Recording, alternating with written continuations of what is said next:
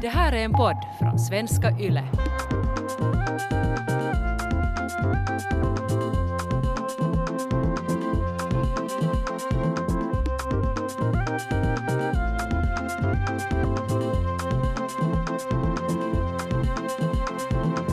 Välkommen till Sällskapet, en kulturpodd med samhällsperspektiv. Sällskapet består av mig, Kia Svetihin, och den här gången sällskapar jag med Petra Laiti och Kasper Strömman. Välkomna. Hejsan! Hej, och jag älskar att du läste det där från papper för du kunde inte komma ihåg våra namn. Nej, och vet du vad? Jag kommer inte ens ihåg vad jag själv heter om jag hade uppskrivet. Det är bra, det är bra. Uh, nu uh, tänker jag ändå fråga av dig, Petra, hur du uh, har det. Du är liksom på distans, du är inte här i, i studion med oss. Nej, jag är på distans för första gången och det här är riktigt spännande. Sitter- Jag sitter i mitt sovrum och, och oroar över akustiken. Ja, det låter, det låter väl helt bra ska vi säga här med mina kvalitetsöron. Kasper, hur står det till med dig? Kia, jag är hypad. För den här podden kommer ut på torsdag och på fredag är det Runebergsdagen och det är ju årets bästa dag som vi alla vet. Gud. Bästa dagen på hela freaking året. Alltså jag hoppas, jag hoppas att du kommer prata om Runebergstårtor idag. Jag kanske kommer att nudda vid tårtan här senare i denna sändning. Jag har alltså, i, sen, sen jag lärde känna Kasper har jag planerat att jag ska att jag ska bjuda dig på Runebergstårtan och det där, det skulle ju vara idag det och det där tror du att jag har köpt, köpt Runebergstårtan? All talk, ihåg. no action Kia. Var är tårtorna? Det är för att inte Petra är här. Mm, Åh. Right, skyllde på Petra, right? Petra skulle nog ha kommit ihåg. Alltså Mm. jag kan inte förstå. Nåja, men vi, vi kan istället, jag har så mycket åsikter om Runebergstårtan så vi kan, vi kan fundera på det sen. Men ehm, Kasper, vad tänker du prata om? Jag tänkte prata om en person i Japan man kan hyra som gör ingenting. Det behöver vi ju i tider som dessa. Okej, eh, okej, jag ska prata om, om bluffare, alltså folk som utger sig för att vara någon annan eller någonting annat och liksom den vägen manipulerar sin omvärld, omvärld. Och jag har liksom funderat på varför de gör det. Sen har jag också tänkt ut tre stycken personlighetstyper och vi ska tillsammans fundera vidare på det. Eh, Petra, vad tänker du prata om? Jag tänker tala om uh, Tunna blå linjen och eh, Malmö. Den här polisserien som alla pratar Jajamän. om. Ja, okej. Just det. Bra. Men eh, då börjar vi och eh, Kasper, du är först ut. Tack för det Kia. Och verkligen, det finns en person i Japan man kan hyra. Han är en person som gör ingenting. Jag skickar den här artikeln till, till er. Jag har läst den på den japanska tidningen Domainichi som gör någon slags sån här engelsk version av det. Som rubriken säger Rent a person who does nothing in Tokyo receives endless requests and gratitude. Och jag skickade faktiskt den här artikeln. Ni såg hur han såg ut. Han heter Shoji Morimoto. Han är 37 år gammal och han ser provocerande vanlig ut på den här bilden. Han står där vid en vägg. Han har jeans. Han har en keps. En, kanske en grå täckjacka. Alltså liksom, han har ingen min alls och ingen frisyr. Han, han är bara liksom en helt vanlig person. Och historien bakom det här är det, alltså det att han fick sparken från ett förlag som han jobbar på. Och chefen då sa tydligen till honom att vi måste låta dig gå för det spelar ingen roll om du är här eller inte. Du är liksom osynlig för oss. Så vi har ingen, vi har ingen nytta för dig här. Det var hemskt. Ja, enligt artikeln. Alltså ja. vad hemskt. Dålig stil, dålig stil. Men jag vet inte hur företagsklimatet ser ut i Japan. Det kan vara så här. Men okej, han var arbetslös en stund och sen var han så här, jag grundar en account. Och då får man beställa honom som sällskap och det kostar ingenting från början. Och han kommer till platsen vart man vill att han ska komma och han håller med om allt du säger och han har inga åsikter själv. Sen blev det här jättepopulärt. Så nu för tiden, han får tusentals förfrågningar enligt den här artikeln. Så nu för tiden kostar det 10 000 yen att hyra honom för några timmar. Och 10 000 yen är ungefär 80 euro då. Okej, vänta nu, nu, nu har han helt en skaplig, en skaplig må, äh, månad, äh, timlön med tanke på att han inte gör något. Ja, verkligen. Men, men som ni förstår, alltså det är en vanlig man som ser, ganska, som ser jättevanlig ut, har inga åsikter. Och då frågar man sig, vem betalar för hans sällskap? Och enligt Morimoto själv är han I am a person who can eat and drink and give simple feedback but do nothing more.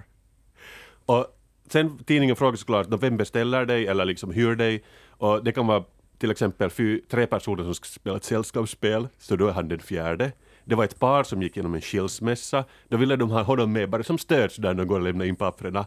Det var en dam som skulle gå på första dejt och hon var nervös men hon var sådär, nej men jag tar Morimoto med. Han får sitta där och liksom säga ingenting och hålla med lite men det är väl lite som att ha på något sätt en, en bodyguard som antagligen gör ingenting om, om det skulle liksom shit skulle go down. Ja, jag skulle säga att, att, att men på det sättet dålig bodyguard att han skulle inte skydda dig. Absolut inte. Han skulle ju liksom titta lakoniskt på. Men också, nu har det ju, coronan har ju drabbat Japan också, så det är sjukvårdspersonal som hyr honom som, som berättar för hur tungt de har det, och då lyssnar han. Men han har inga åsikter själv om det. Men alltså, Alltså jag älskar det här. Det Är här det är helt härligt. är det viktigt att han inte ska ha åsikter? Ja, för han säger själv här att han orkar inte med alla sådana positiva människor som säger att du ska aldrig ge upp. If you achieve, if you can dream it, you can achieve it. Han håller inte på så här. Han var så här, det där är bullshit att, att liksom, jag kommer dit och jag, jag är sällskap men jag, jag, jag gör nothing more. Och det, han är härligt likgiltig också för berömmet för den här journalisten säger att- det här är ju jättebra sak du gör och I quote, oh really, säger Morimoto. Alltså den här bilden, jag, har- jag har den här bilden av honom här i min telefon eh, nu och tittar på den. Mm. Att han ser också liksom, han, han ser både likgiltig och lite rädd ut samtidigt tycker och, jag. och liksom, jag tycker var som helst i världen man kan ha honom, fast han, han ser ju japansk ut men liksom man skulle inte lägga märke till honom på stan här i Helsingfors heller, för han är bara en, en vanlig man.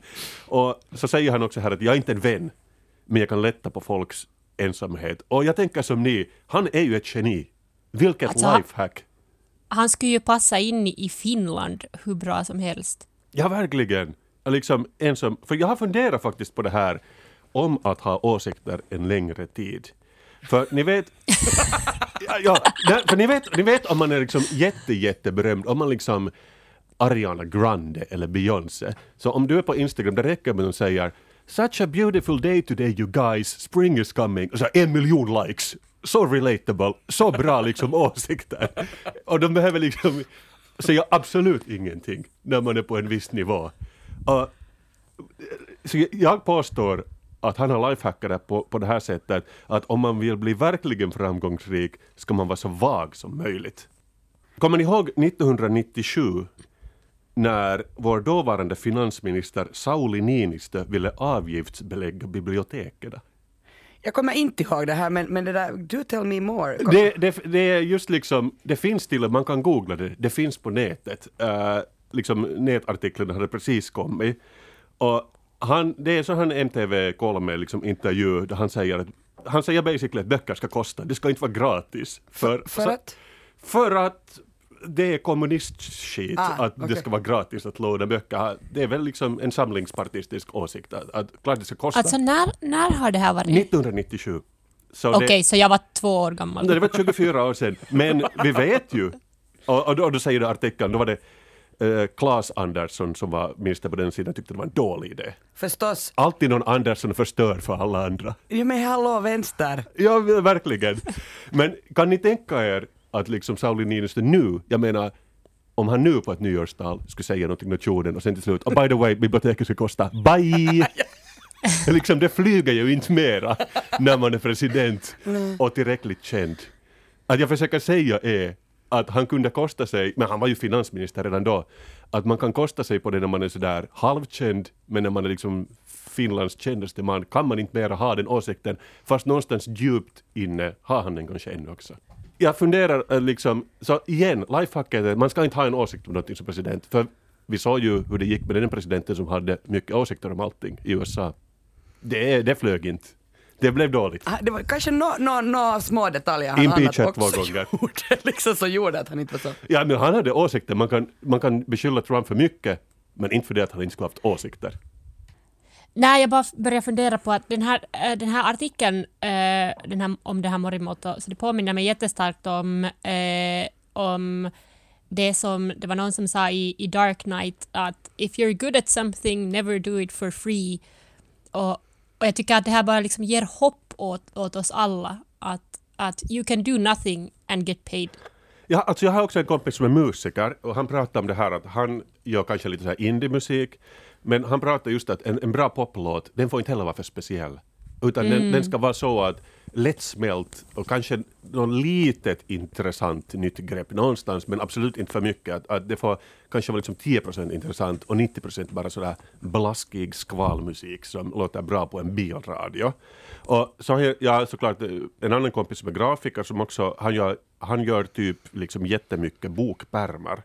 Och han pratar också om det att om det är en populär författare ska den vara jättevanlig, den här pärmen, bara så att den inte utesluter någon grupp av människor. Och, och sen om du har liksom mera okända kanske liksom förstagångs debutanter så då får det vara något lite mer spännande i deras pärmar. Men okej, okay, jag vill gå på tangent här. Ja. Eh, du Kasper, som, som kanske kan det här ämnet lite bättre än, än vi, så när jag frågar först, visst vet ni vad eh, Overtons fönster är för någonting? Nej. Eh, no, det, det är ett begrepp i politiken att eh, No, sådär, om, om, man, om man beskriver det jättesimpelt så det betyder det att, att hur man liksom flyttar på det som är liksom det politiska centrumet med att till exempel ha liksom jätteextrema åsikter åt, åt någondera håll och så flyttas liksom Overtons fönster, det är liksom mm. i princip mhm. centerpunkten. Eh, så till exempel att om man, om man konstant säger något jätteextremt så då blir liksom lite mindre extremt blir liksom normala eh, centrumåsikten. Ja, det köper så jag finns det Overtons fönster för uh, musik och, och, och bokpärmer. Att om du vill ha något ah. som är, om du vill ändra på det som är, är det vanliga, och så finns... kan du liksom kan du liksom göra, kan du flytta på det konstnärliga Overtons fönster? Så måste, ja, eller går vi in på liksom smak och trender och mode här också på något sätt? Att det som ansågs vara Overtons fönster för 20 år sedan är nu något annat och liksom det som var det då är nu något annat? Det, det är en mm. jätteintressant fråga. Det vet jag inte, men att jag vet ju att äh, allting blir väl mer avancerat med tiden. Jag tänker på sådana här folk som skateboardar på 80-talet gjorde absolut ingenting och nu måste man börja med en sån jätteavancerad helflip för att få kalla sig en, en, en rullbräde äh, människa för att gå tillbaka till det här att vara en jättemanlig människa. Det finns en känd psykolog som skriver krönikor i en av våra största tidningar ganska ofta. Och jag är så fascinerad också av hens texter. För det är så här att ja, jag hälsade på min farfar på ett äldreboende, vi åt pannkakor och sen, vi människor behöver varandra och livet är kort och folk är sådär, fan vad bra, relatable. det här är det bästa jag någonsin har läst. Det är så liksom inspirerande. Och desto mer jag läser sånt här så liksom, ni vet om, om man ska göra en bra låt just så man säger bara spread your wings and fly. Alla sådär smart. Men, men alltså det blir så klyschigt.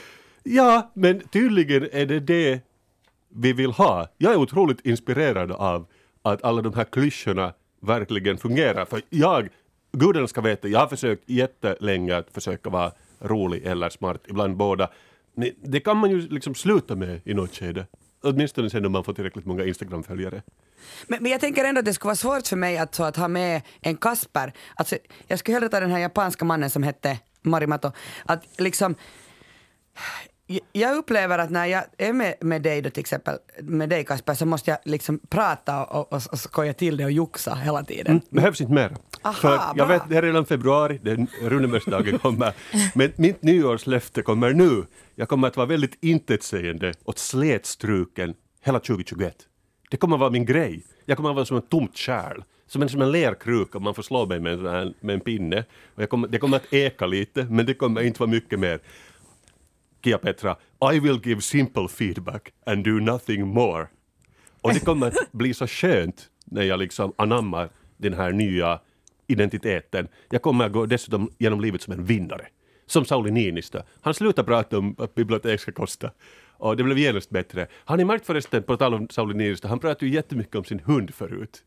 Han har slutat med det också. Och han gick ut och sa att folk tyckte inte om när jag pratade om en hund. De sa att den har för kort nos och den kan inte andas. Och det är, liksom, så... det är kontroversiellt att ha en sån hund som inte kan andas och har för kort nos. Så han har till och med slutat prata om sin hund, vilket var det enda intressanta med Sauli Niinistö, att han hade en hund och kanske en 50 år, år yngre fru, men det har väl alla presidenter. Ja, jag pratar jätteofta om det. Jag har också tröttnat på det. Det, liksom, det händer ju inte där. Men, men, men okej, men, om, men nu när det är roligt att du lyfter upp det här med hund, för jag har ändå tänkt så här att en hund är ju ett bra sällskap. Jag har till och med börjat luta mot att jag skulle kunna tänka mig att skaffa hund, inte nu, men om tio år. när mitt barn inte mera bor hemma med mig. Okej, inte kanske om tio år, han är inte så gammal, jag har inte tyckt slänga ut honom när han är 15. Men, men anyway, då tänker jag så här, vad är skillnaden, uh, vad tror ni Kasper och Petra då, att alltså man har ett husdjur istället för att man har den här japanska mannen, eller varför inte en, en tyst Kasper som bara är där och, och nickar? Ah, är, det där, är det därför folk har husdjur? Ja, för att de Men inte det är för att hu- husdjur gör inte ingenting. Sant! Och de kräver att man går ut och går med dem. Äckligt. Just det. Ja, det är sant. Jag skulle just säga att min nya identitet är husdjur. Att det är liksom Men, men, men ett rumsrent husdjur som man inte behöver föra ut och kacka. Liksom, eller du behöver, man En, behöver, en orm. Min nya identitet är orm. Och jag kan rekommendera det här till alla där ute. Jag menar, fråga mig om min favoritfärg. Kasper, vad är din favorit? Grå! Grå är min favoritfärg. Det här kommer bli ett fantastiskt år och jag är så glad att jag läste den här artikeln. 2021, vi kommer att få vaccin och vi kommer att bli tråkiga. Det kommer att bli så bra. I en värld som kantas av fake news och fake-värderingar, galna lögner och konspirationsteorier med Qanon som dirigent och sen har man Putin och Trump i orkestern. Så jag har nu i varje fall förberett en prat om bluffmakare. Uh, jag tänker presentera tre modeller. Uh, eller jag har liksom tänkt ut så här att jag har mejslat fram tre bluffpersonligheter som jag vill föra fram. Det första är fejkad nationalitet. Den andra är att man fejkar sin status, liksom, och då är man oftast en sån som är pengabedragare.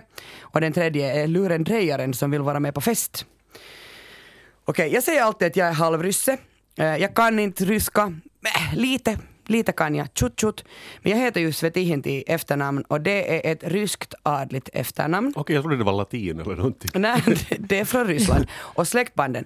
Tsar Alexander, stor furste i Finland, han var mycket på Sveaborg då när han, när han liksom fursta över Finland och han hade ihop det med officer Svetihins dotter och var gudfar till hennes uh, oäkta barn. Men sen visade det sig förstås att det var han som var pappan. Och det här är true story och mitt barn heter Alexander i andra namn som en hyllning till tsaren.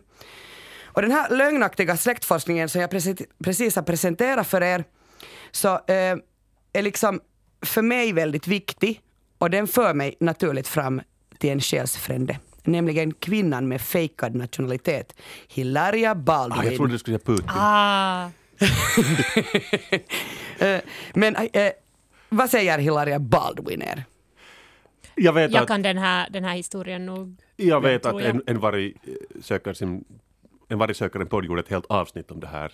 Så Ja. att, jo, jag vet någonting om det. Eh, Ett par dagar före jul, eh, så, så, och sen dess hade det kommit massor med artiklar i internationell press. Så eh, Hilaria Baldwin, 36 år gammal influencer och fru till Hollywoodstjärnan Alec Baldwin, 62 år gammal. Det är viktigt att säga de här åldrarna här, men jag tror att Alec är ju nog faktiskt yngre än Sauli Niinistö. Men i varje fall, de har fem gemensamma barn det här paret. Mm, och vad som hände var att eh, på Twitter så en, en kvinna twittrade så här. Man måste beundra Hilaria Baldwin för hennes decenniumlånga grepp att efterlikna en spansk person. Hilaria eh, Baldwin eh, har liksom under flera år eh, gått ut med att hon inte riktigt kommer ihåg engelska. Och hon kom, det är ett, ett jätteroligt klipp som som far omkring där på internet där hon inte kommer ihåg vad ordet för gurka är när hon ska laga gazpacho. och hon liksom letar efter det. Så här. Och, och sen blir det liksom, röran blir bara för, större och större. Och så kommer det fram att inte heter hon ju Hilaria utan hon heter Hillary. Hennes efternamn innan Baldwin var Hayward Thomas. Och eh, reaktionerna blir ju ganska många. Och de som reagerar och kritiserar så anklagar Hilaria Baldwin för kulturell appropriering. Hon har alltså sagt att hon är från Mallorca i Spanien och hon har flyttat till USA som 19-åring. Men nu visar det sig att nej, hon är född och uppvuxen i Boston i USA. Hennes föräldrar är från Boston, eller hon har amerikanska föräldrar. Och hon har nog pratat helt alltså vanlig amerikansk engelska under hela sin uppväxt. Det är hennes modersmål. Nåja, hennes man Alec Baldwin han var ju sådär att, att han har liksom till och med sin, han har någon, någon egen eh, pratshow så han skojar om sin spanska frus brytning och när de gifte sig så sa de äktenskapslöftena både på spanska och engelska i den här ceremonin. Och hennes föräldrar de flyttade nog till Mallorca men det var 2011 och då var Hilaria 28 år gammal och det här är alltså hennes koppling till Spanien. No, men hon säger nu själv att inte förstår hon varför människor har trott att hon är från Spanien. Det är inte hennes fel. Men, men okej, om vi funderar lite kring det här. Det är att man säger så här, min familj bor i Spanien. Det är hennes mantra. Och det är det som hela den här illusionen vilar på. Och det är ju tekniskt sett inte en lögn. Det är ju helt sant, hennes föräldrar bor i Spanien. Men om man tittar på de här intervjuerna som hon slingrar sig varje gång. Frågar man av henne så här, eh, ah, är du latinamerikan? Då svarar hon, min familj bor i Spanien. En annan intervju så frågar man eh, att jaha, eh, varifrån flyttar du då när du flyttar till New York? Min familj bor i Spanien, svarar hon igen. Jag tycker det är ganska bra tricks det där, att, att man bara säger, upprepar samma mening. Det kunde väl någon där i USA Var ganska bra på att upprepa bara samma sak och till slut blev det sant. Nå, eh, jag tänker ändå att det här var kanske en liten vit lögn för henne och nu, kunde, nu kan hon inte mer ta tillbaka den. Hon har nu sagt att hon är från Mallorca och spanjor. Men, men för att nu gå till botten med det här så, så läste jag en, en nyhet i, i, i, Dagens Nyheter där man intervjuar en forskare i etnicitets och minoritetsstudier, Sayaka Osanami Törngren. Och hon sa att problemet alltså är det att vita personer utger sig för att vara av en annan etnicitet gör att människor blir helt rosenrasande för man förstår inte hur det ens är möjligt. Hur kan man bara göra det? Fast är inte spanjorer vita? Nå, är det nu så? Ja. Jo, men det är väl en skillnad i, i uh, hur man... Alltså jag kan inte det här ämnet så bra, men jag har förstått att det finns en skillnad i hur man skulle tolka spanjorer från Spanien och, och latiner. Ah, ja, ja. Från att Sydamerika. Det finns liksom, och, och att, att det, det, det är liksom två skilda koncept att vara latin eller hispanic. Och att, att du kan vara båda, men du behöver inte vara båda. Men, men överlag liksom kulturell appropriering, alltså det att man tar ett attribut från en ofta marginaliserad kultur, så det här har ju diskuterats jättemycket. Men det som är liksom jobbigt är väl kanske att inte alla kan välja att vara vilken nationalitet som helst. Är du svart är det svårt för dig att säga att jag är vit. Är du, är du asiat är det svårt för dig att säga att du är europé. Uh, eh, eller europé kan man väl vara, men alltså ni förstår den här problem, problem, problematiska här blir att det oftast är vita människor som utger sig för att vara en annan etnicitet. Och blackfishing är en term eh, som har blivit allt vanligare och det är när människor utger sig då för att vara en annan etnicitet. Kim Kardashian och Selena Gomez är två exempel på det. De har också blivit ganska kritiserade för att de liksom rör sig i gränslandet mellan kulturell appropriering och blackfishing. Uh, New York Times gjorde sen en längre intervju med Hilaria och där så sa hon igen att hon har nog aldrig haft för avsikt att låtsas.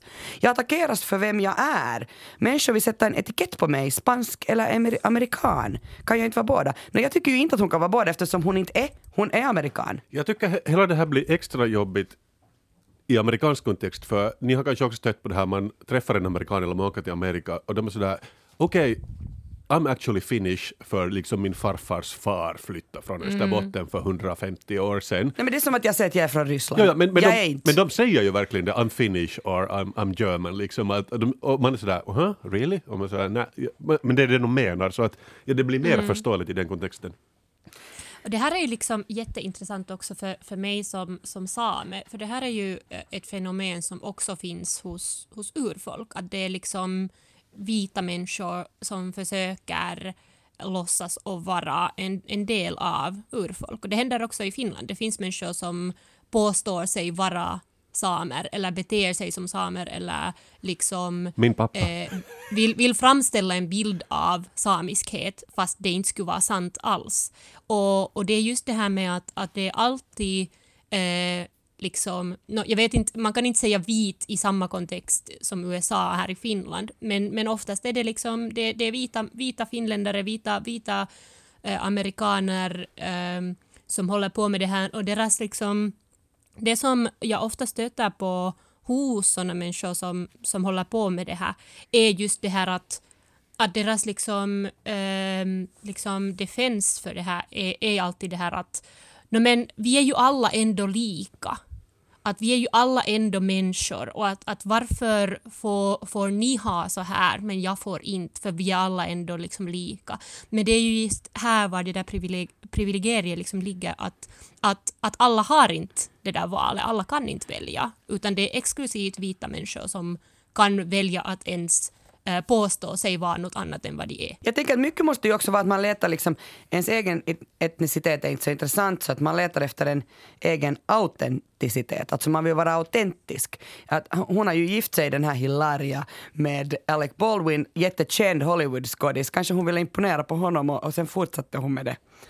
Eh, uh, no, ja. Men hej, vi går vidare. Nu går jag till uh, person nummer två, fejkad status och pengabedragare. Anna Sorokin, säger, säger det någonting? Uh, låter bekant, men nej. Inte för mig heller. Anna Sorokin, um, eh, utgav sig för att vara Anna Delvey. Eh, Hon var 20 någonting och, och väldigt frikostig med dricks i sina krispiga 100 dollars sedlar. Och Hon bodde på ett chict hotell i Soho. Hon dolde ansiktet bakom ett, Celine, eh, bakom ett par Celine solglasögon. Och hon fyllde sitt rum med Acne och Supreme shoppingkassar och hon kände rätt personer. Och en dag dök hon upp i New York och sa jag kommer från en rik familj i Tyskland. Jag är en trust fund kid. Och hon betalar allting kontant. Snart var hon en självklar del av Manhattans societet. Och hon sa alltså att jag är god för en fond värd åtminstone 60 miljoner euro. Jag planerar att öppna en privat exklusiv konstklubb här med filial på Manhattan. Och, och det där, hon sa att det här gör jag helt strax, jag måste bara säkra ett banklån på 22 miljoner. Sen gick det ju liksom som det gick och småningom började det uppstå sprickor i Anna Sorokins rika fasad. Det kan ju alltså hända att man skulle kunna se de här tecknen här tidigare. Nekade kreditkort, bru, kreditkort brutna löften om att betala tillbaka restaurangnotor och så vidare. Men Den här tyskans ekonomiska bekymmer hade en helt naturlig förklaring. Det var så att hon hade inga pengar. Eh, de var konstru- konstruerade och temporära och det var också hela Anna Delveys identitet. Anna Sorokin var alltså aldrig någon förmögen tysk arvtagerska utan hon var enligt brottsutredningen hemma från Ryssland, född 1991. Som 16-åring flyttade de till en liten tysk småstad utanför Köln. Ja, men 2017 så greps Anna Sorokin och hon åtalades nu för ett stort antal bedrägerier och det där Rättegången drog också jättemycket ut på tiden för att Anna Sorokin hon, hon, hon satt häktad på Rikers Island, en sån fängelseö. Men hon vägrade gå in i rättssalen iklädd fängelsets kläder. Jag får så här ASAP Rocky-vibes av det här. Hon anlitar, eh, så hennes advokat, så han anlitar stylisten Anastasia Walker. Hon har alltså bland annat jobbat med Courtney Love. Och sen måste liksom, de hela tiden byta Anna Sorokins kläder varje gång hon skulle träda in i rättssalen. Skulle hon ha olika, olika märkeskläder på sig. Nå, hon blev, befanns skyldig på totalt åtta åtalspunkter och får 12 års fängelse och utvisning till Tyskland sen så småningom. Tråkigt. Lite tråkigt är det ju för hon var ju ganska så här festlig, förutom att hon lurar faktiskt människor på massa pengar. Men hon kommer att få pengar nu. HBO har köpt upp hennes berättelse för 335 000 dollar. Bokförlaget Simon Schuster har köpt upp för 300 000 hennes story. Och nu på våren kommer Netflix-serien Inventing Anna. Okej. Och, och det där, jag måste, när jag funderar efter på hennes case tänker jag så här, vad är det egentligen? Alltså, det verkar ju ändå inte vara som att pengar var hennes grej, för hon betalar alltid allting till alla för att verka vara superrik. Ja, hon hade ändå ty- tydligen säger du kontanter i början då. Nå, hon fick lån, det var det. Hon blev Aha. beviljad lån för att hon lurade liksom så bra. Hon Ah, lyckades ja, ja. få lånat pengar, men hon, hon är... Alltså, jag tycker det är intressant att, alltså, nu har vi pratat om människor som påstår sig vara någon annan, vilket är fel, förutom om det ha, händer i en konstnärlig kontext. Om du säger att du är konstnär så är det okej. Jag, jag funderar på den här svenska Anna Odell som låtsades ha psykos på den här bron och, och sen, det delar ju människor såklart, men att också Paris Hilton som gick ut förra året och sa att nej jag är inte dum, jag är smart egentligen i en sån lång dokumentär. Ja, Och min röst, den där med rösten tycker jag var så intressant att hon inte alls pratade sådär Nej. pipigt. Hon hade men, en men just den här, vad hette hon, Anna? So- Sorokin. Sorokin, också att det var fel det hon gjorde, men sen när det blir konst, när det blir tv-serie och bok, så nu liksom vänder det och nu är det igen okej. För så som du också säger att, att det var en performance med allt det här att klä sig upp i, i, i rättegångssalen och allt. Att det, det är nästan en lifehack att påstå sig vara konstnär. Jag ska ta min sista här nu, en, för det här är min favorit. Um, det här är luren, lurendrejaren som vill vara med på fest, alltså joxaren. Uh, El Pequeño Nicolas, uh, det spanska Francisco Nicolas Gomez Iglesias, han har gjort sig känd för att han har liksom lurat in sig på jätteviktiga tillställningar och han har fått eh, smeknamnet i spansk press då, El Pequeño Nicolas, Lilla Nicolas. Och för ett år sedan var det klimatmöte i Madrid uh, Förenta Nationernas klimatkonferens 2019 och han lyckades ta sig in i förhandlingssalen och de som var där sa så att, att, liksom att han spelade så bra med att sen när, han, när de upptäckte honom så bara steg han upp och gick ut. Att händelseförloppet var nästan omärkbart. Men han var med och förhandla om klimatutsläppen och så vidare. Bra. Eh, han är alltså 26 år gammal och har bott hos sin mormor sedan han var 14 år och han har alltså bedragit dussintals människor. Han har oftast liksom lovat stora affärsmöjligheter och, och så har han så här påstådda kontakter vid höga befattningar för den spanska administrationen, den spanska regeringen och till och med Casa Real, alltså kungahuset. Han har hyrt lyxbilar för att förstärka sin egen berättelse och i en av de här bilarna hittar man blåljus. Och då visar det sig att han använde det här polisutrustning för att kringgå, kringgå trafikstockningar. Och han kunde också köra mot rätt ljus. Han bara, nej men jag är civilpolis. Mm, Han, litar, han anlitar personliga livvakter för att göra sin identitet trovärdig. Så vi ger massa life, life hacks här nu. Och, och det där, man påstår också att El Pequeño Nicolas skyddas av viktiga personer i den spanska eliten eh, eftersom olika källor drar slutsatsen att det är det enda möjliga sättet att kunna infiltrera makteliten så här. Men jag tänker också, eller är det för att de skäms så mycket för att han har, det var så lätt att ta sig in där? Att hur kan man lyckas komma så här högt? För det han lyckades med 2014, då sprider han rykten att kungen av Spanien Juan Carlos ska komma på lunch till en restaurang i Galicien. Nåja, kungen dök aldrig upp, men nog El Pequeño Nicolas och han var omgiven av media. Han blev poliseskorterad, han hade organiserat den här poliseskorten själv och lurat polisen liksom, och de gick på det. Och nu väntas eh, han dömas upp till 27 års fängelse då. Oj, för vadå? Poliseskorten? Uh, för, för det här liksom med att han har nästlat in sig på så här, alltså posera som representant för Casa Real. Det får du inte göra. Det är kungahuset. Men jag tänkte att jag måste ju kolla då, vad skriver de i spanska tidningar om det här? För att det borde vara nu som han skulle dömas. Eller 30 gånger borde det vara nu. Och det där, när jag tittar i El Mundo så där skriver de att han i sex år har gått hos en plastkirurg för att råda bot på sin eländiga dubbelhaka. Jaha. Nå, jag tog La Vanguardia. Där skriver de att rättegången har avbrutits på grund av att hans advokat fick covid. Rättegången ska återupptas i maj. Alltså så, förlåt, det låter ju som en bluff. Alltså jag, jag vill höra plot-twisten att nu ska det bli bok och HBO-serie och han får mycket pengar och han är en hjälte i hela Spanien. Ja, han är nog alltså sannerligen en, en, en bluffmakare, en joxare.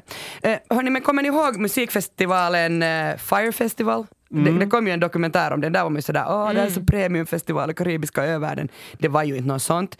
Eh, kommer ni ihåg Banksys Oscar-nominerade dokumentär Exit through the gift shop? Det var ju bra. Lätt Ja. manipulerad, eh, ängslig konstvärld. Eh, tidningen Vice eh, så skapade en restaurang som inte fanns, men genom att manipulera systemet så blev den högst gästrankad i hela London och på sajten Tripadvisor. Kommer ni ihåg Sunny Car Center och Jurassic Park? Jo, jo. Ja, det finns ju alltid liksom man, man gillar ju på något sätt de här liksom människor med stora planer. Ja, hörni, jag tänkte sen GameStop då. Ett Reddit-forum för ett helt dödsdömt företag att verka attraktivt på börsen. Man manipulerar helt enkelt börsen. Gemensamt för alla de här som vi har pratat om, de här tre personlighetstyperna är ändå fake it till you make it, bluff, bluffen liksom. Och, och jag, jag upplever att, att deras historier och deras tro på sig själva är så oemotståndliga att man tror på dem. Och, och jag börjar fundera, att är det här liksom på något sätt en revolt mot makten 2020? Uh, va, va, Mm, va, jag vet inte, varför gör vi liksom- så här? Eh, För mig äh, åtminstone, i alla, alla de här caserna utom då det som handlar om etnicitet, så alla de här, de här andra caserna så de är jätteintressanta på grund av det att, att det har liksom att göra med det att, att ehm, hur eh, såna här liksom exklusiva cirklar med fast eh, kulturkapital eller bara rent med, med pengar eller makt, att hur de vill tänka sig vara liksom, liksom säkra och, och, och exklusiva och, och bara menade för vissa slags människor. Och sen just det att, att, ähm, att hur liksom artificial det allt sen ändå är om egentligen liksom någon kan lura sig in i det. Och det, här- tycker jag också att man måste säga det att jag tror inte det är vem som helst som kan lura sig in hit. Att, att, liksom, att jag tror säkert att, att här finns också en, en viss liksom white privilege-vinkel. Absolut. Att du kan inte lura dig in i vissa cirklar om du ser ut på ett visst sätt. Ja, och jag tänker så här att eftersom vi har haft social media nu i tio år, att alla har blivit så skickliga mediestrateger nu mitt i allt. Att först så liksom slängde man bara ur sig vad som helst, men nu börjar man fundera på vad som är intressant och liksom hur man ska framstå i en bättre dager. Och kanske steget är litet därifrån att man verkligen i verkliga livet också lever ut den där bilden som man ger av sig själv. En nordisk tv-succé skriver Kvällsposten. Starkt och mänskligt skriver SVT.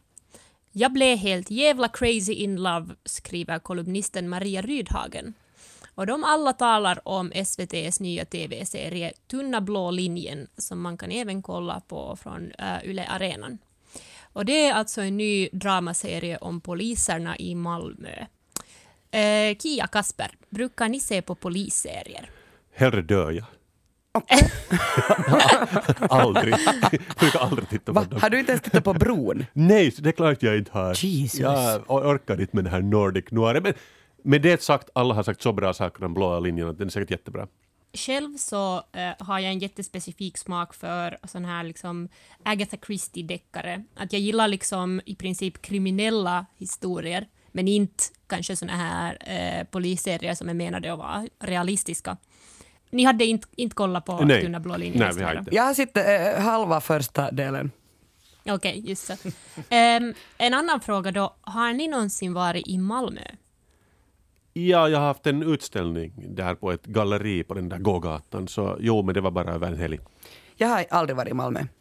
Mm. Eh, uh, no för Kia och, och för lyssnare som kanske inte känner till, uh, så Malmö är alltså Sveriges tredje största stad med cirka 300 000 invånare. Uh, det ligger i södra Skåne, uh, rakt på andra sidan Öresund, alltså mittemot då Köpenhamn.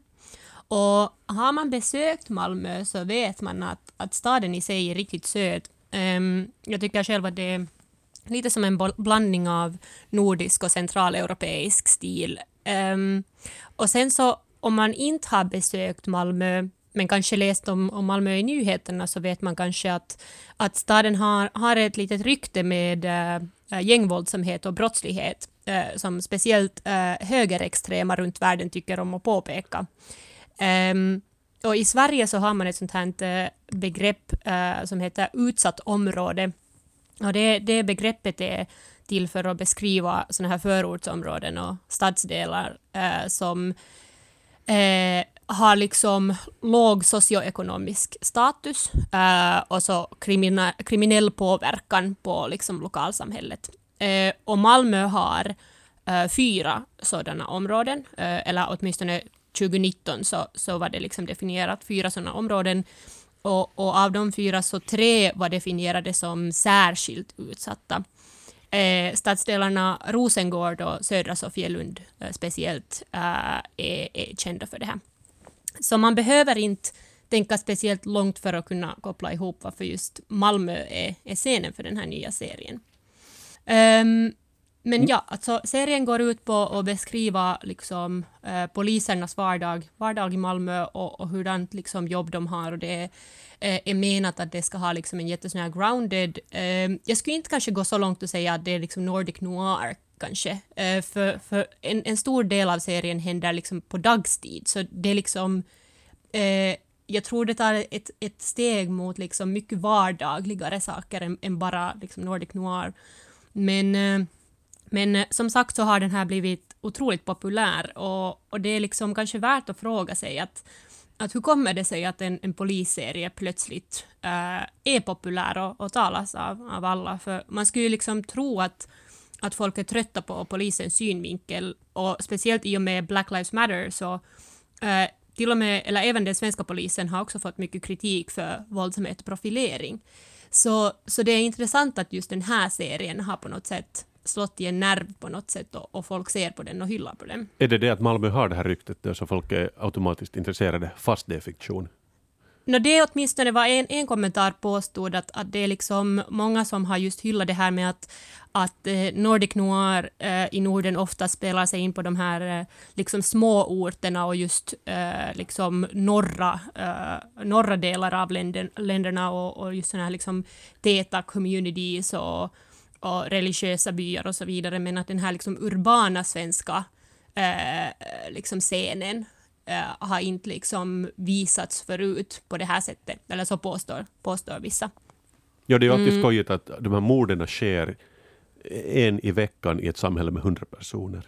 Så att det, det är Ja, bra att det just- blev ändring på det. Men, ett- men just den här tunna blå linjen så tycker jag att jag har förstås läst, eh, läst eller rubrikerna främst, alltså att, att det har både kommit så här att det är just så här som det är att vara polis. Att det händer liksom inte, nå, nu har jag ju sett en halv del, men alltså att, att det är liksom inte mord hela tiden, utan det är helt liksom rån och alltså små rån. Är det som Kaps? Bad boys, bad boys, what you gonna do? Men, men, men och sen har jag också hört att så här för någon, någon vecka sedan i, i där P1 morgon så, så var det massor med poliser som typ så här ringde in och sa att det är inte alls så där, det där stämmer inte alls. Men jag menar alla har ju en egen version, åsikt. Mm. Ja, och visserligen så har den här serien också, också väckt en smula kritik eh, med, med det att, att om man alltid visar eh, liksom polisens sida från den här eh, liksom dramaperspektivet, eller om narrativet alltid tar polisernas sida, så finns det då en, en risk att man humaniserar sen poliserna till en sån mängd att, att sen finns det för det finns ju också liksom poliser som är våldsamma på flit och som faktiskt är rasistiska eller som inte liksom bryr sig. Att, att, vad finns det egentligen för risker i att, att narrativen tar liksom polisernas sida i den här serien då? Och det, det är något som, som det här, äh, om jag kommer ihåg rätt så var det i Sydsvenskan så var det en kolumn som funderade på det här. Men vad är det, vad är det som är annorlunda än, än alla andra tv-serier för oss som inte har sett? No, eh, en grej åtminstone som jag tyckte var, eh, var annorlunda från, från det jag sett, så, så det var det att, att sociala medier har en, en rätt unik roll i, i Tunna blå linjen och att Um, in, inte på det sättet kanske att man skulle se hur, hur de här karaktärerna använder social media, men att av och till så, så spelas det på skärmen, att, eller, eller liksom emot stadsbilden, att det spelas in liksom kommentarer att vad liksom publiken eller, eller den här fiktiva Malmöpopulationen säger om polisen och om, om de här fallen på social media.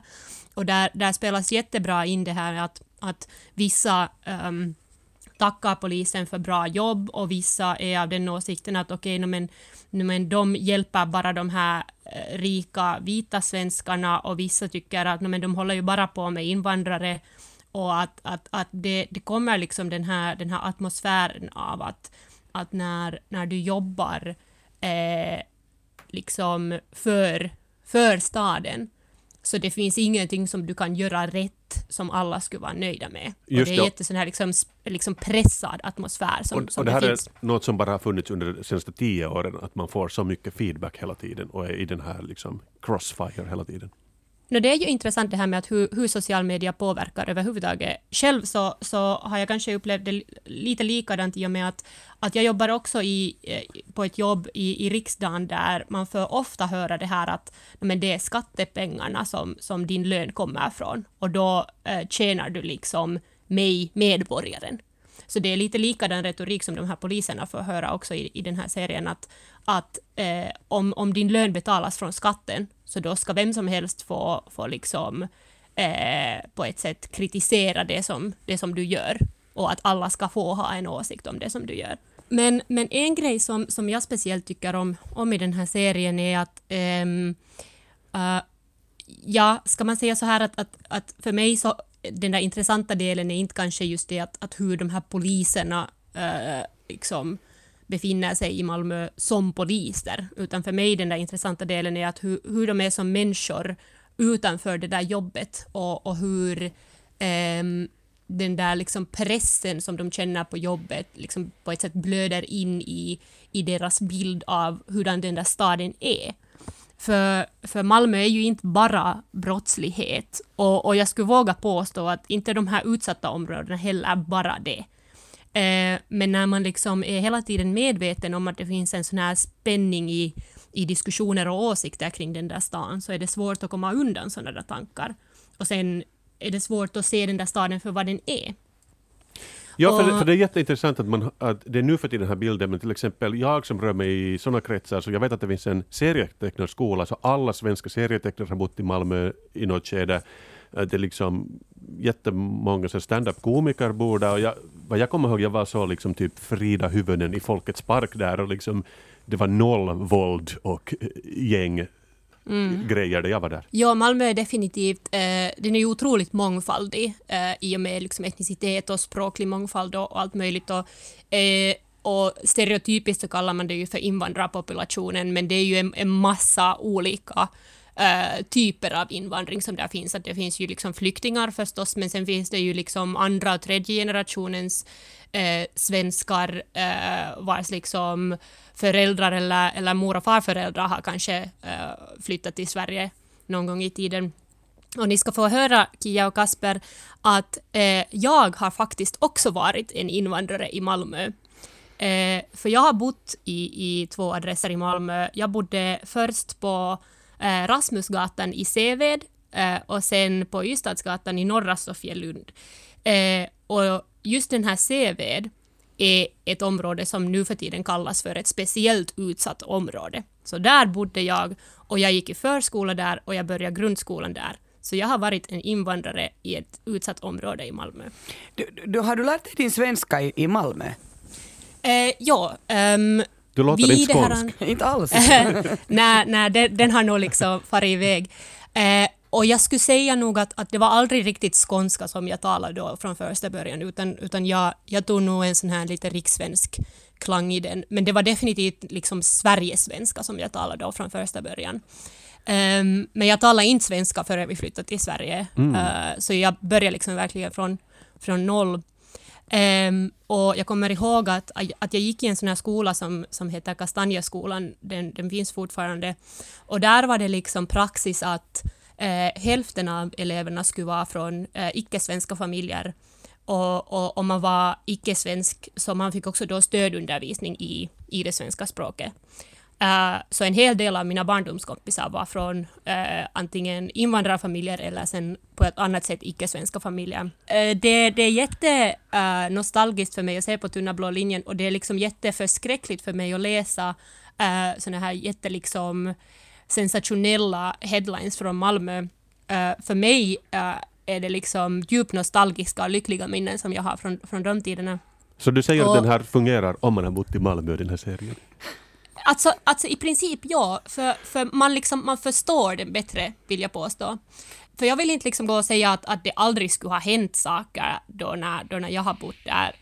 Till och med som barn så förstod man liksom att okej, kanske liksom vissa saker inte, inte helt normala och att eh, jag minns att, att det liksom i, i det område som vi bodde, där fanns till exempel ett, ett sånt här knarkarhus som, som tömdes med jämna mellanrum och jag minns att Eh, då som vi lekte i några lekparker så fick vi liksom aldrig vara, vara ensamma och jag fick aldrig gå själv till, till skolan utan, utan någon av era föräldrar skulle alltid vara med. Men det var något som, eh, som liksom uppfostrade mig jättetidigt att inse eh, vad, liksom, vad mina egna privilegier, fast just i den åldern så vet man ju inte att vad man ska kalla den för. Men jag kommer ihåg väldigt distinkt att redan då så hade jag en medvetelse om rasism och hur det var något som vissa invandrare och vissa svenskar upplevde, men inte jag, fast jag var invandrare. Och ändå du var förskolebarn, för jag tänker liksom förskolebarn går inte nu heller ensamma till förskolan. Men att du, du upp- uppsnappade det här som vadå, sexåring? Ja, ungefär. ungefär. Men det var, det var just, eh, jag kommer ihåg också att den där, den där skolan och det där stället som jag, jag var, eh, som jag gick förskola i, så den var jättenära där vi bodde. Så det var därför som jag kommer ihåg att jag undrade att varför får jag inte gå de här några hundra metrarna själv. Mm, Okej. Men sen som vuxen förstod jag ju. Men att, att just det här att, att på någon plan så var man jättemedveten om att när, när man hörde folk tala om invandrare negativt så förstod man redan som så litet barn att det är inte mig som de talar om, för jag är blond och jag är blåögd och jag talar rikssvenska utan accent. Men, eh, men det är en sak som, som jag tycker om i Tunna blå linjen. Um, nu vet jag ju inte, jag har inte bott i, i Malmö på flera år, så, så jag vet inte hur mycket den reflekterar liksom, eh, liksom nuvarande invånarnas åsikter, men att, att um, jag tyckte själv om det att, att det är inte bara folk med accenter eller invandrings eller flyktingsbakgrund som har, som har det liksom dåligt i den där serien, utan man visar en mångfald hos, hos den där folkgruppen som polisen besöker. Att det är liksom helt, ska vi säga, vita eh, Sverigesvenskar eh, som, som också liksom behöver polisen och som också liksom inte, inte litar på polisen och, och som liksom har det, har det liksom fattigt och, och liksom inte bra. Men glorifierar det här polisens yrke? Finns det någon, liksom, kan man känna någon baktanke här? att Polerar dems yta på något sätt? Eh, nå, jag, jag, jag vill liksom in, inte kanske ha en åsikt om det ännu, för jag vill se den där serien först liksom till slut. Okej. Eh, men jag tror nog att i alla polisserier så finns det den där risken att den glorifierar polisen lite väl för mycket. Det skulle vara, man väntar då att det skulle komma en sån här serie från Ryssland som skulle handla om den ryska polisen. Som är jättebra. Ja, de är så duktiga. Ja. Men kanske man måste titta på det här då, Ja. fast inte jag har bott i Malmö, eller Kasper har inte heller bott i Malmö, du tittar inte ens på poliser. Jag, I challenge you! Varje vecka så frågar jag ju er att vad finns det sådär i kulturväg ni inte kan släppa den här veckan? Kasper! Som jag nämnde i början, det är ju Runebergs dag på fredag. Och den här kommer ut på torsdag. Om man lyssnar liksom fresh genast på morgonen som man såklart ska, då vet man att man är in för ett treat imorgon. Men mitt kulturtips är såklart Runebergstårtan, det finaste vi har i det här landet. Men jag vill också slå ett slag för Runebergs hem i Borgå. De som är Borgå-bördiga här, de kanske har varit där, men jag hade aldrig varit där förrän jag blev inbjuden till en Runeberg-tasting för ett par år sedan där. Och det var svinintressant, för på det här museet har de den heliga graalen. De har originalformen i vilken Fredrika Runeberg stöpte den första Runebergstårtan. Är den nu hemma hos dig? Har du stulit den? Nej, det- alltså det här är inte Mission Impossible, men det var lite att den står i en monter och det var som ett svagt sken runt den i mitt huvud såklart. Gå, fa, åker du ofta bussen, tar bussen till Borgå så går du bara där utanför hans hem. Bara, Ja, men det var liksom, jag fick höra fascinerande saker på det här museet av guiden överhuvudtaget. Till exempel det att Runeberg själv var 1,86 lång. Oj! På, på 1800-talet. Han var ju en, Han- han var ju en jätte. han var en jätte. Och det var, Han måste ha ju varit ett torn. Han, alltså, inte undra på att han var så bra på att dikta om han var så lång. och, och också, För att det hänger ihop. ja, ja, men också det att, att då hade de någon husa eller betjänt som jag inte kommer ihåg, som kanske inte ens nämndes vid namn, som då verkligen legit bakade allting där i köket och att liksom herrskapet och fruskapet de passed away i något skede, så blev hon bara bo i det här huset i tiotals år och sov på någon hård brits i det där köket med den där formen. Och, ja, gå dit, det är antagligen stängt nu, men Runebergs hemmuseum, det är någonting jag kan rekommendera för alla oss Runebergs tårtsentusiaster i det här landet. Härligt. Det där, mm, jag har ett, ett, jag har någonting som jag inte kan släppa som inte är så jätteroligt, men jag tänker ändå berätta det. För ett par, Bra, det liksom upphypat. ja, för det kan ju vara något man inte kan släppa. Eh, det händer väldigt mycket i världen just den här veckan. Och det där, för ett par år sedan gjorde jag en dokumentär som handlar om en barnsoldat från Sierra Leone som han kommer till Finland och söker asyl här. Nå, en dag satt vi och snackade, den här dokumentären var just då i det här bearbetningsskedet och då sa Ahmed till mig ah, jag vet att en av de där rebellledarna från RUF, alltså Revolutionary United Front, som alltså tillfångatog Ahmed och tvingade honom att bli barnsoldat, så bor och lever i Tammerfors. Sen sa han, äh, men jag vill inte prata om det här. Så jag, jag vill liksom inte, det är jättejobbigt, det är klart, det, han, han liksom No, Men han, han, teasade ändå lite. Han tillsade mig nu ändå lite, men på måndag den här veckan, alltså den första februari, så inleddes det en jätteallvarlig krigsbrottsrättegång mot en Sierra Leonsk man som heter Gibril Massaqui. Och mannen, det vill, det vill säga att det är den här före detta rebellledaren, en av dem alltså som, som no, gjorde fruktansvärda brott det här alltså be, begick under, be, de här brotten har begåtts under andra inbördeskriget i Liberia eh, 1999 till 2003 och han står åtalad för mord och våldtäkt, eh, krigsbrott, kränkning av mänskliga rättigheter. Uh, han, ja, no, men alltså allt, allt, jag behöver faktiskt inte kanske återge precis allting men jag jag har förstås följt med den här rättegången eh, jättenoga. Eh, eller hur långt nu de har kommit. De har inte kommit så långt ännu. Eh, en av de värsta sakerna jag läste så kom det fram då att Masaki och hans soldater så stycka sina offers kroppar och på beordran av honom sen så måste man alltså tillreda mat av de här kropparna och sen åt dem de här, den här maten. Det här var liksom alltså bara tortyr, alltså galenskaper. Mannen bodde i Tammerfors, eh, han har bott här liksom tio år, han arbetar, han har familj, han har inte dömts för brott i Finland. Jag ringde sen till Ahmed igår för att fråga hur han mår och han var helt sådär bara no, jag vill inte uttala mig överhuvudtaget i i det här caset om den här rebellledaren, att han vill bara tänka framåt och han vill bara se det positiva. Idag är han alltså magister i ekonomi och undervisar på ett universitet i Finland. Titta gärna på min dokumentär Barnsoldaten, den finns på arenan.